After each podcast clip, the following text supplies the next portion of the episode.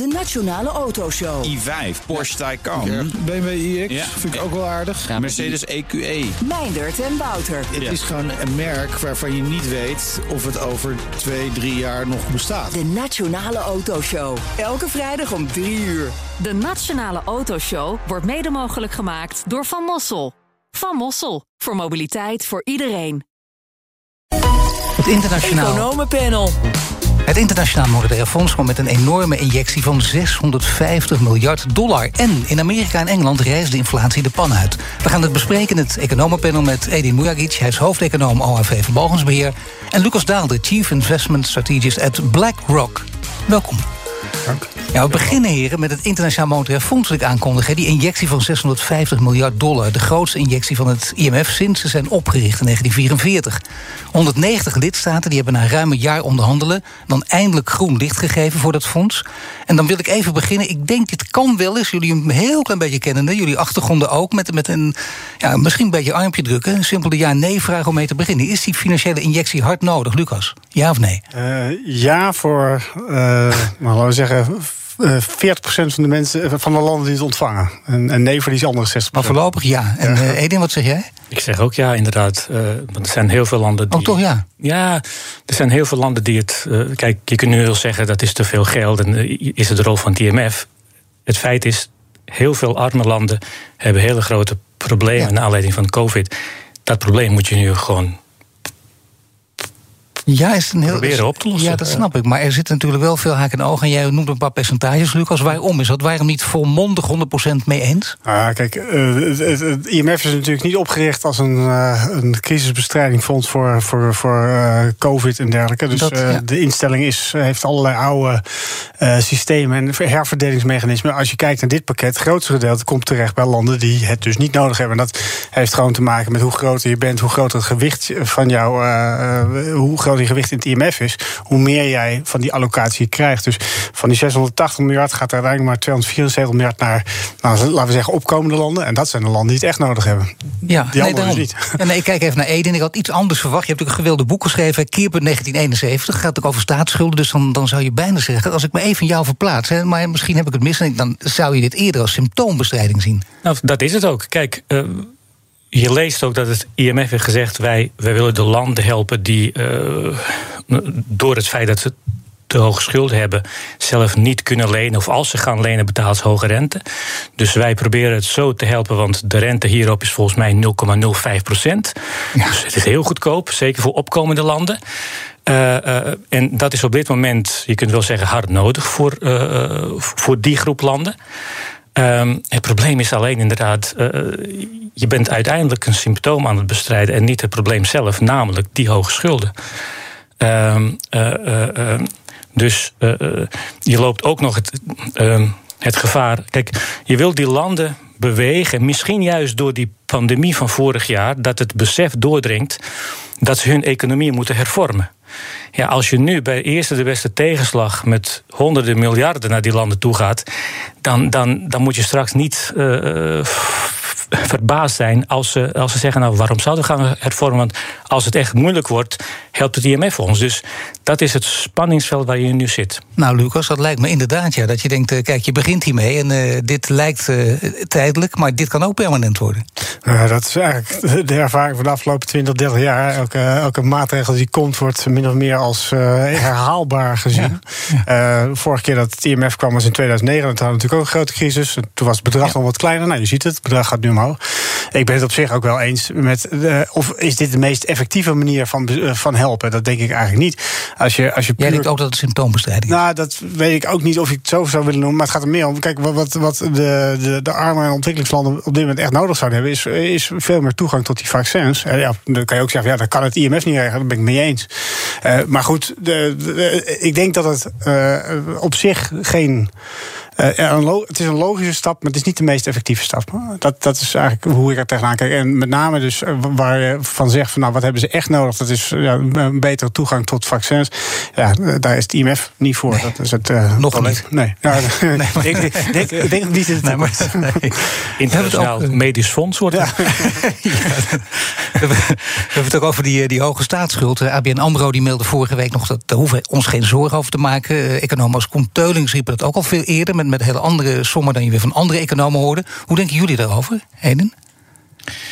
Nou, we hadden het er daar net nog even over. Ik ben een groot fan van alles wat met historie te maken heeft. Uh, en zeker economische historie. En in het verleden heb ik, heb ik te veel uh, voorvallen gezien waarin als de schulden te groot werden, dat het allemaal nare bijeffecten heeft die uiteindelijk hele grote groepen mensen in de samenleving raken. Ik zou niet weten waarom dat nu anders zou zijn. En het hoofdargument nu lijkt te zijn dat de rente laag is, maar uh, dat de rente nu laag is, wil niet zeggen dat die over vijf of laatst aan 10, 15 jaar nog steeds laag zal zijn. Uh, dus om, om, om in een situatie waarin die schulden voor heel, in heel veel landen al zeer, zeer hoog zijn te zeggen dat uh, schulden er eigenlijk niet toe doen, vind ik uh, een brug te ver. Op korte termijn klopt het inderdaad. De, de belangrijkste argument is die lage rente. Nou, als je ziet dat een land als Nederland of Duitsland... die kunnen gewoon tegen een negatieve rente geld uitgeven. Dus dat kost niks. Uh, dus dus uh, doe het maar. Dat is een beetje de gedachte. Nou, daar uh, kan je wat van zeggen. Het punt is alleen wel, die schuld die moet op een gegeven moment wel weer afgelast worden. Of doorgerold. En de ervaring leert dat het meestal niet aflossen is, maar doorrollen. en ja, wie zegt dat we over tien jaar niet met een veel hogere inflatie... of rentevoet zitten. Nou ja, dan, dan zit je wel met gebakken peren. Uh, dus het is niet uh, zeg maar helemaal zonder risico, maar te zeggen van nou ja, laat die schulden maar oplopen. Uh, los daarvan is ook dit weer een trend die al veel langer gaande is. Dus vanaf 1990 of 1980 gerekend zie je dat die schuld als percentage van BBP alleen maar omhoog gegaan is. voor staatsschuld voor arme ontwikkelingslanden, maar ook met name ook de, de ontwikkelde landen. Ja, het voelt als een, als een, een trend die op een gegeven moment wel een keer gekeerd zou moeten worden. Uh, en dat is op dit moment niet de tijdgeest die je hoort, of niet onder economen en beleidsmakers. Die hebben allemaal zoiets van, nou ja, laten we nu maar gewoon uh, doorpakken. Ja. Uh, groots investeren, bijvoorbeeld in infrastructuur of in, in, in vergroening van, van de economie. Valt ook wat voor te zeggen, maar het is niet zonder risico's. Eden? Nou, kijk, um, als je al op de weg gaat dat je, ondanks de hoge schulden uh, in het ene land wat, wat hoger dan in het andere land, dat je nog meer schulden gaat, uh, uh, gaat, gaat verzamelen, dan zou ik wel hopen dat je dat, je dat geld verstandig investeert. En dan hebben we het echt niet alleen over Griekenland en Italië, waar heel veel, heel veel te doen is. als ik hier mijn mobieltje pak. Je pakt hem ook nu echt. Ja. Ik heb gewoon 5G. Uh, ja. Of ik in Almere zit of uh, Tilburg, Eindhoven. Als ik naar mijn zus over de grens ga. Nou, als ik 4G zie, dat is echt, echt een wonder.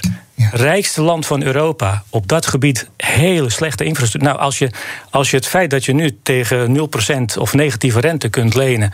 Uh, zou gebruiken om daar iets aan te doen dan is er eigenlijk heel weinig aan de hand. Ben ik wel benieuwd waar je, waar je zus woont, dat, dat weet ik niet. Uh, Osnabrück. Oh, oh okay. IJsland, ja. ja, ja. Over de grens, ja, ja, sorry. Nee, nee, er waren een paar mogelijkheden, maar dit is goed dat je het vraagt. Ja, het is haak, inderdaad keurig aan op mijn eigen ervaring. Ik ben op vakantie geweest en daar was ook 4G naar 3G. Ik heb daar een, een E gezien, een, een, E. Ik wist niet eens dat het bestond, maar uh, dat betekent dat je niet kan internetten, sowieso niet. Maar dat je heel zo af en toe een WhatsApp berichtje kan versturen. Heel langzaam is het ook. Heel langzaam. Dat is echt... Dan gaan we kijken naar in het rijkste land van Europa. Hè? Nee, het is, het is, het is bedoel... gek, inderdaad. Nog iets wat misschien een beetje gek is. Eh, die 650 miljard, waar gaat die heen? Ongeveer 70% gaat naar de groep van de grootste 20 economieën. Ja. Dat, dat ja. lijkt onlogisch. Dat, daar moet je iets aan veranderen, of niet? Nou, maar dat hoort volgens de regels van het IMF. Ja. Uh, nou, als we iets hebben geleerd van de afgelopen tien jaar. Uh, in deze situatie mag je die regels best een beetje gaan wijzigen. Ja. Uh, als je, als je dat nu niet zou doen, dan vloeit het uh, leeuwendeel van het geld van het IMF naar landen die het eigenlijk, als ik heel kort de bocht mag zijn, niet nodig hebben. En die het ook niet gaan gebruiken waarschijnlijk. En, inderdaad, dus je moet niet in beton gegoten, die regel. Je moet er dus wel iets aan doen waardoor dat geld, en meer dan die 200 miljard, komt bij de landen die het echt harder nodig hebben dan Wij hier bijvoorbeeld. Maar dat weten ze daar ook natuurlijk. Dus ik zeg al, zijn die regels in beton gegoten, Lucas? Of kan, nou, kijk, als je, dat ziet hoe, hoe, zeg maar, een, een, wisseling van de wacht in Amerika... de Amerikaanse president tot een verschil van inzicht kan komen... over dit steunpakket. Hè. Dus onder Trump was er sowieso geen denken aan. Uh, nu uh, met Biden is het opeens wel mogelijk. Als je over gewoon het simpele ja-nee al uh, kan twisten... nou, en je gaat vervolgens met 190 landen aan tafel zitten... om, om die regels aan te passen... dan weet je hoe lang je bezig bent om dat voor elkaar te krijgen. Ik denk dat er zeker behoefte is om eens een keertje de instituties uh, zoals die zijn gecreëerd na de Tweede Wereldoorlog goed grondig tegen het licht te houden. De ervaring leert dat dat een zeer pijnlijk en langdurig proces is. Dus dat dat in deze crisis waarschijnlijk niet, niet gaat lukken. dus we, het is wel iets waarvan ik zeg van we moeten er een keer goed naar kijken. Maar ja, dat gaat nu gewoon niet gebeuren. Dat is echt de hele instituties veranderen. Maar deze regels kun je misschien wel veranderen. Of de landen kunnen zelf reageren. Bijvoorbeeld Nederland, hè, recht op 10 miljard. Gaan we dat misschien wel weigeren? Of gaan we er toch iets mee doen? Nee, volgens mij gaan we daar helemaal niks mee doen. Wij houden het gewoon op onze eigen, uh, in onze eigen account. Want het, uh, je krijgt alleen maar uh, SDR's, dus drawing rights zijn dat. Ook daar, een soort geld dat bijgedrukt wordt? Het is geen geld, je kan er niks voor kopen. Nee, maar het idee? Je, je, kan, ja, als idee. Je kan het omwisselen naar, naar, naar volksvaste verhoudingen, naar, naar dollars of, of euro's. Nou, dat zal Nederland niet doen. maar wat we zou, bijvoorbeeld wel zouden kunnen doen, dat is volgens mij ook iets wat nog op de tafel ligt, is dat een deel van het, de quotum wat dus nu bij de rijke landen terechtkomt, dat het alsnog doorgeschoven gaat worden naar die armere landen. Uh, en dat zou natuurlijk wel iets uh, helpen, in elk geval voor die arme landen. Dat zou kunnen. Maar stel dat Nederland nee zegt, wat jullie verwachten, of jij niet verwacht, jij ook, Eden, verwacht het ja, ook. Zeker. Maar wat, waar gaat het geld dan heen? Als het niet naar die arme landen gaat. Ik bedoel, het, staat, het, staat op de bank op onze rekening. Ja, het gaat niet zomaar. Ja, dat is het. En, en, en kijk, voor Nederland heeft het om, om twee redenen geen zin daar gebruik van te maken. Eén, we hebben het niet nodig. En B, als je 10 miljard wilt lenen, je kunt goedkoper lenen op de markt. Ja. Ja, dus ja, dat zijn twee uh, duidelijke redenen. Zaken doen. We zitten midden in het... We zitten midden in het economenpanel. Vandaag met Edin Mujagic, hoofdeconoom OHV Vermogensbeheer... en Lucas Daalder, Chief Investment Strategist at BlackRock. Ja, een van de belangrijkste cijfers over de Amerikaanse arbeidsmarkt... verscheen vrijdag, de werkgelegenheidscijfers. Het gaat goed met de werkgelegenheid. wordt verwacht dat de Fed ander beleid gaat voeren. Misschien ook de rente gaat verhogen, de noodsteun gaat afbouwen. Jens Weidman deed ook al een paar uitspraken die, die interessant waren... Die, die met de ECB te maken hadden. En ja, dat, die kijken toch ook weer naar elkaar. Uh, Lucas Daalder, wat verwacht je? Is, is het nu eindelijk uh, een grote kans dat er ook iets aan het beleid van de Fed gaat veranderen? Nou, de, wat, ik, wat je de afgelopen jaar heel duidelijk gezien is dat de Fed, maar de ECB net zo steeds minder praat over wat ze de volgende vergadering gaan doen, maar steeds meer spreken over wat er in de toekomst een keer zal gaan gebeuren, misschien, is, ja. als, het, als het meevalt. Ja. en dat is dus nu wat je nu hoort. Je hoort nu wel de geluiden, ja, misschien moeten we toch eens nadenken of misschien moeten we eens gaan discussiëren. er roept dus iemand bij, de, bij de vergadering van oktober kunnen we erover gaan nadenken. Maar vervolgens wordt het de, iemand anders van de vet gelijk weer tegengesproken. Gezegd, nou, als we dat al doen, dan, dan smeren we het over een lange tijd. Dus je moet niet denken dat dit beleidsveranderingen zijn die op korte termijn heel erg veel impact gaan hebben. Dus het is niet dat opeens uh, de rente omhoog gaat. De rente, daar hebben we het helemaal niet over. Het gaat puur eigenlijk alleen maar om dat terugkopen ja. van, die, uh, van die staatsobligaties. Ja, dat, de, iedereen verwacht dat er voor het einde van het jaar wel een ei overgelegd zal zijn. Maar hoe dat ei eruit ziet, nou, dat is dan weer de grote speculatie. Maar je wacht op het moment, hè, er moet een urgentie zijn. Nu zeg je forse toename, 943.000 banen. Nou ja, goed, is maar net hoe je daarnaar kijkt. Ik hoorde analisten ook daar verschillend op reageren. Maar Edin? Het wordt. Ik kan me inderdaad helemaal, helemaal vinden in. Dus, dat geldt voor de Fed, maar het geldt voor de ECB ook. Die zitten er gewoon niet op te wachten om het beleid te wijzigen. En dan ga je zoeken in, nou, we moeten nog zien hoe dat, of dat doorzet, et cetera, et cetera. Dus je stelt het steeds uit. Maar ik kan me wel voorstellen dat op de markten wat meer speculatie ontstaat over wat de Fed gaat doen. Ja. Uh, het, het, het wordt steeds. Kijk, dat beleid van de Fed, maar het geldt voor de ECB ook, is echt het crisisbeleid. En de crisis is voorbij. Dus met deze banencijfers, we hebben het nu over twee opeenvolgende maanden van bijna 1 miljoen uh, uh, nieuwe banen erbij. Drie kwart van ontslagenen als gevolg van corona is weer aan het werk in Amerika. Het wordt steeds moeilijker voor de Fed om geloofwaardig het crisisbeleid te blijven voeren, terwijl het economisch eigenlijk heel goed gaat. Nou, ik, ik ben het helemaal eens dat de Fed zelf legt die lat heel hoog om, om, om, om in actie te komen. En wanneer het gebeurt, zal het heel uh, langzaam, heel kleine stapjes gaan. Maar dat wil niet zeggen dat op de financiële markten men aan de haal kan gaan van misschien dat de Fed uh, nu ineens zal aankondigen dat. En die onzekerheid alleen al zul je zien en zie je misschien al een beetje op de financiële markten. Ja, alleen het gaat natuurlijk om de manier waarop ook, hè, met, met die noodsteun. Want daar wordt ook over gespeculeerd. Eh, of is het per definitie zo dat die, dat die steun geleidelijk wordt afgebouwd? Of zou het zelfs in één keer kunnen? Nou, nee, niet in één keer. Dat, dat zou een te groot schok zijn voor de markten. Dat, dat is een, dus uh, ik, ik, ik, hier naartoe lopend uh, heb ik geluisterd naar een podcast waar Kaplan, uh, de, de Dallas Fed, aan het woord werd. Dat is ja, een van de, laten we zeggen, mensen die voorstander is om die rente een keertje weer omhoog te doen. Of in geval iets te gaan doen aan dat opkoopprogramma. Nou, die zegt van ik, ik ben voorstander van dat we daar niet te lang mee wachten. Uh, we zijn nu uh, in een nieuwe fase terechtgekomen. Dus laten we niet eindeloos door blijven gaan met het opkopen van die obligaties. Maar hoe eerder je dit doet, hoe langer je het uit kan smeren. Dus ook hij, zoals hij zegt, nog niet van oké, laten we in oktober er volledig mee stoppen. En hij zegt, nou, als we in oktober stoppen, of dan gaan we afbouwen. En dan over een periode van acht maanden. Die noemt hij ook echt specifiek. Dus uh, dat bedoel ik met van verwacht geen radicale wijzigingen. en over, hij zegt ook gelijk een renteverhoging. Oh, dan heb je pas over 2022 op zijn vroegst zoiets. Dus dat zijn de, de, de woorden die hij dan gebruikt. Dus verwacht geen radicale. Het gaat dus echt gewoon om, om ja, een beetje uh, verschuiving in de marge. Dat is wat, zoals ik het zie. Ja, maar wel afbouwen. Dus maar daar, wel interessant dat hij dan naar acht maanden bij ja, ja, die noemt hij specifiek. Dat vond ik net ook wel weer interessant. Ik dacht van ja, waarom kom je nou met die acht maanden? Uh, kennelijk is dat dan weer een onderhandelingsstuk uh, wat hij kan gebruiken binnen de Federal Reserve. En er zullen er anderen zijn die zeggen, nou nee, dan moet twaalf maanden. Dan heb je daar dus weer eindeloos gesoebat over. dus uh, ja, we gaan op een gegeven moment wel stappen in die richting zien, maar verwacht gewoon geen radicale wijzigingen. En we weten van de Fed en van de ECB, die, die, die, die herhalen dat elke maand weer, uh, al jarenlang. Financiële stabiliteit zit heel, dat, dat is voor hen heel belangrijk. Nou, je weet als je tien jaar lang de rente op 0% hebt gehouden. Als je vijf jaar lang of no nog langer uh, met tientallen miljarden obligaties hebt opgekocht. Zodra je zodra het erop lijkt dat je daar iets in gaat wijzigen, loop je het gevaar dat die financiële stabiliteit muteert in uh, iets wat op instabiliteit lijkt. En ze zullen heel voorzichtig zijn met het omschakelen van het beleid. Ze zullen echt niet 100%, maar bijna 200% zeker willen weten dat het geen kwaad kan betrekking tot financiële stabiliteit. Nee. En dan pas die eerste stap gaan zetten. Dus heel langzaam gaat daar maar van uit. Het gaat heel lang duren. Maar ja, toch zou je wel verwachten. Kijk, voor het vertrouwen is het altijd heel goed. Hè? Als je zegt, kijk, we kunnen nu op eigen kracht staan. Want dat zeg je uiteindelijk als, je, als er geen noodsteun meer nodig is. Dat is waar. Alleen um, het probleem is dat je eigenlijk heel veel problemen die we sinds 2008 hebben, heb je opgelost door bedrijven, overheden en mensen aan te sporen nog meer te gaan lenen. Dus als de rente dan gaat stijgen, of als je de rente verhoogt, dan kun je wel zeggen dat is een teken van vertrouwen, dat het economisch goed zit. Daar hebben die bedrijven en overheden en huishoudens heel weinig aan, want ze zien hun maandelijkse rentelasten behoorlijk stijgen.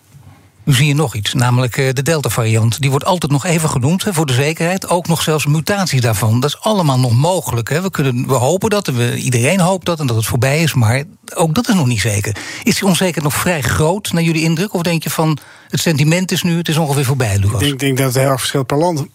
dus ik denk dat wij eh, in Europa eh, rijkelijk laat zijn begonnen met het hele vaccinatieprogramma. Maar in, inmiddels ja. echt wel gewoon een aantal landen voorbij zijn gegaan. Uh, dus wij staan er inmiddels denk ik beter voor dan bijvoorbeeld Amerika. Amerika is een van de landen die vrij agressief snel is begonnen. Maar daar zie je dus inderdaad echt een, een grote groep van de bevolking die weigert gevaccineerd te worden. Uh, en dat betekent dus ook dat de risico's voor een Delta-variant daar, de risico's daarvan, dus de, de negatieve uh, economische gevolgen daarvan, daar in principe groter zullen zijn dan die in Europa uh, zijn.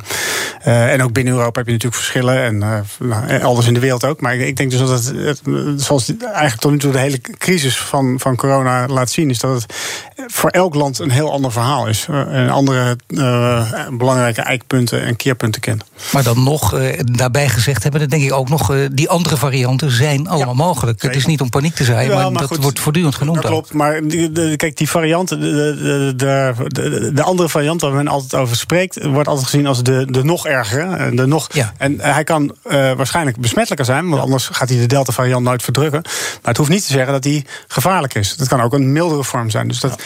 en, en in dat geval heb je dus uh, dat je zegt, nou, mooi, andere variant die uiteindelijk die vervelende Delta-variant weet weg te drukken. Dus die mogelijkheid heb je ook. Wat, wat de schade van vorig jaar is geweest, is bij elke nieuwe variant of bij de variant 1 wist je, de economie gaat op slot, lockdowns. Nou, dat is met 70 of procent van mensen of meer die ja. ingeënt zijn, hoef je daar niet bang voor te zijn. En dat is nou waar de grootste economische schade vandaan is gekomen. Dus als je een nieuwe variant krijgt die besmettelijker is, inderdaad, dat betekent alleen dat, dat je grotere kans oploopt om uh, op te lopen.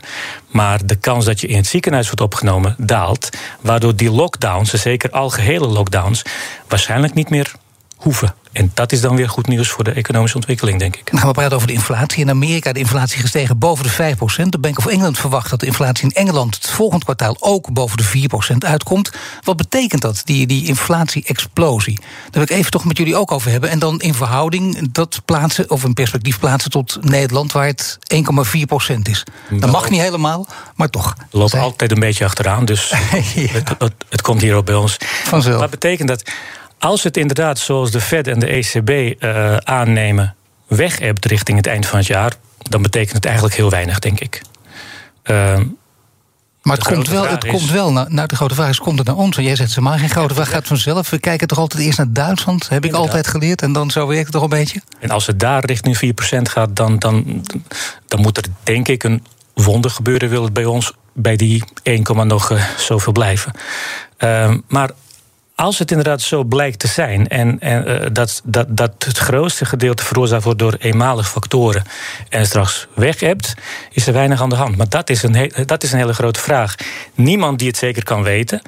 Wat ik wel verbazingwekkend vind, uh, met name bij de ECB, is die overtuiging dat dat zeker het geval zal zijn denk ik, ja, weet je, als, als we iets van de afgelopen jaren hebben geleerd, is je kunt nergens zeker van zijn.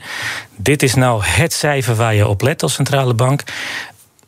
Hoop dat het inderdaad weg hebt, maar bereid je ook voor dat het niet gebeurt. Uh, en dat doen ze niet. Dat betekent dat als je straks inderdaad niet weg hebt, dan moet je toch voor een schok gaan zorgen op die markt, waar je juist niet op zit te wachten. Dus ga nou een beetje masseren en zeg nou, wij, wij, wij als het niet weg hebt, dan staan wij klaar om uh, uh, uh, iets met het beleid te doen. Om te voorkomen dat het echt uit hand loopt. Dus het iets minder als een geloofsbeleidenis naar buiten brengen? Het is echt van 100% zeker dat het, dat het allemaal niet hoog zal blijven ik weet niet of ik daar zo uh, eh, 100% zeker van zou zijn. Nou ja, maar hier komen we op het terrein van de psychologie. Maar toch, Lucas Daalder, speelt dit een grote rol met hoe je dit dan naar buiten brengt? Ja, zeker. Kijk, uh, een van de belangrijkste variabelen voor inflatie is eigenlijk de inflatieverwachting. Uh, dus op het moment dat iedereen verwacht dat de inflatie omhoog gaat, zal je zien dat er hogere looneisen worden gesteld. Dat bedrijven van tevoren hun prijzen beginnen voor. En dan wordt het automatisch dat de inflatie omhoog gaat. Dus als jij, als jij hogere inflatie wil, is de beste manier vooral roepen: het gaat omhoog en dan hopen dat iedereen het gelooft. Nou, dat, dat kan heel succesvol zijn als je echt inflatie wil. Maar de vraag is hoeveel inflatie wil je en hoe makkelijk is het dan vervolgens om weer terug te krijgen. En, dat is denk ik wel, uh, daar ligt een risico. Ik vind ze zelf die risico's in Europa niet zo heel groot. Hoor. Ik, zie meer die risico's in Amerika en in, in Londen, uh, Londen in, uh, in Engeland. Daar ligt die inflatie echt ook veel hoger. Daar is de, de, het beleid in afval van de Federal Reserve heeft echt aangegeven ja, een ander beleid te willen gaan voeren. Dus ik zie daar toch wat meer de lange termijn risico's. In Europa ook wel, maar op een lager niveau. Voorspellen kan niet en mag niet, maar dan toch wel interessant. Want jij denkt niet dat we op, uh, hier in uh, Europa, Duitsland en naar Nederland, op, op uh, eh, 5% uit kunnen komen? Nou, alles kan. Dus je zal mij nooit zeggen dat het niet kan. Krijg je dat fragmentje weer dat we gaan herhalen? Lucas, weet je nog? Alles kan. Nee, ja, kijk, ik, ik, ik, verwacht eigenlijk dat, dat voor Amerika verwachten wij dat inflatie de komende vijf jaar wel richting de 3% structureel kan gaan. Hè? Echt aan een hoger plan. In Europa zit je veel meer aan een niveau van 2% te denken. Laat niet vergeten, ook als dat niet gebeurt en als we naar 2, 2,5% gaan of 2%, dat is al een wereld van verschil met wat we afgelopen tien jaar hebben meegemaakt. En de prijzen op financiële markten van obligaties, die zijn niet geëikt op 2% inflatie. Dus het hoeft niet eens uit de hand te lopen om grote gevolgen te hebben op de financiële markt. Hier mag ik jullie danken. Edi Mujagic, hoofdeconoom OAV Vermogensbeheer en schrijver van Keerpunt 1971. En Lucas Daalder, Chief Investment Strategist at BlackRock. En zo hebben we het over Nederlandse universiteiten die te veel geld willen verdienen aan start-ups van hun eigen studenten. BNR Headlines. De hele dag binnen- en buitenlandse politiek. In Nederland hebben we geen munitiefabrieken. De hele dag economie. Vijf dagen in de week bezorgen, dat kan niet uit. De hele dag technologie. Amerikanen weer op de maan. Heb je eigenlijk geen tijd, maar wil je toch op de hoogte blijven? BNR Headlines. Het laatste nieuws, maar dan in het kort. Ga naar je podcast-app en abonneer je op BNR Headlines.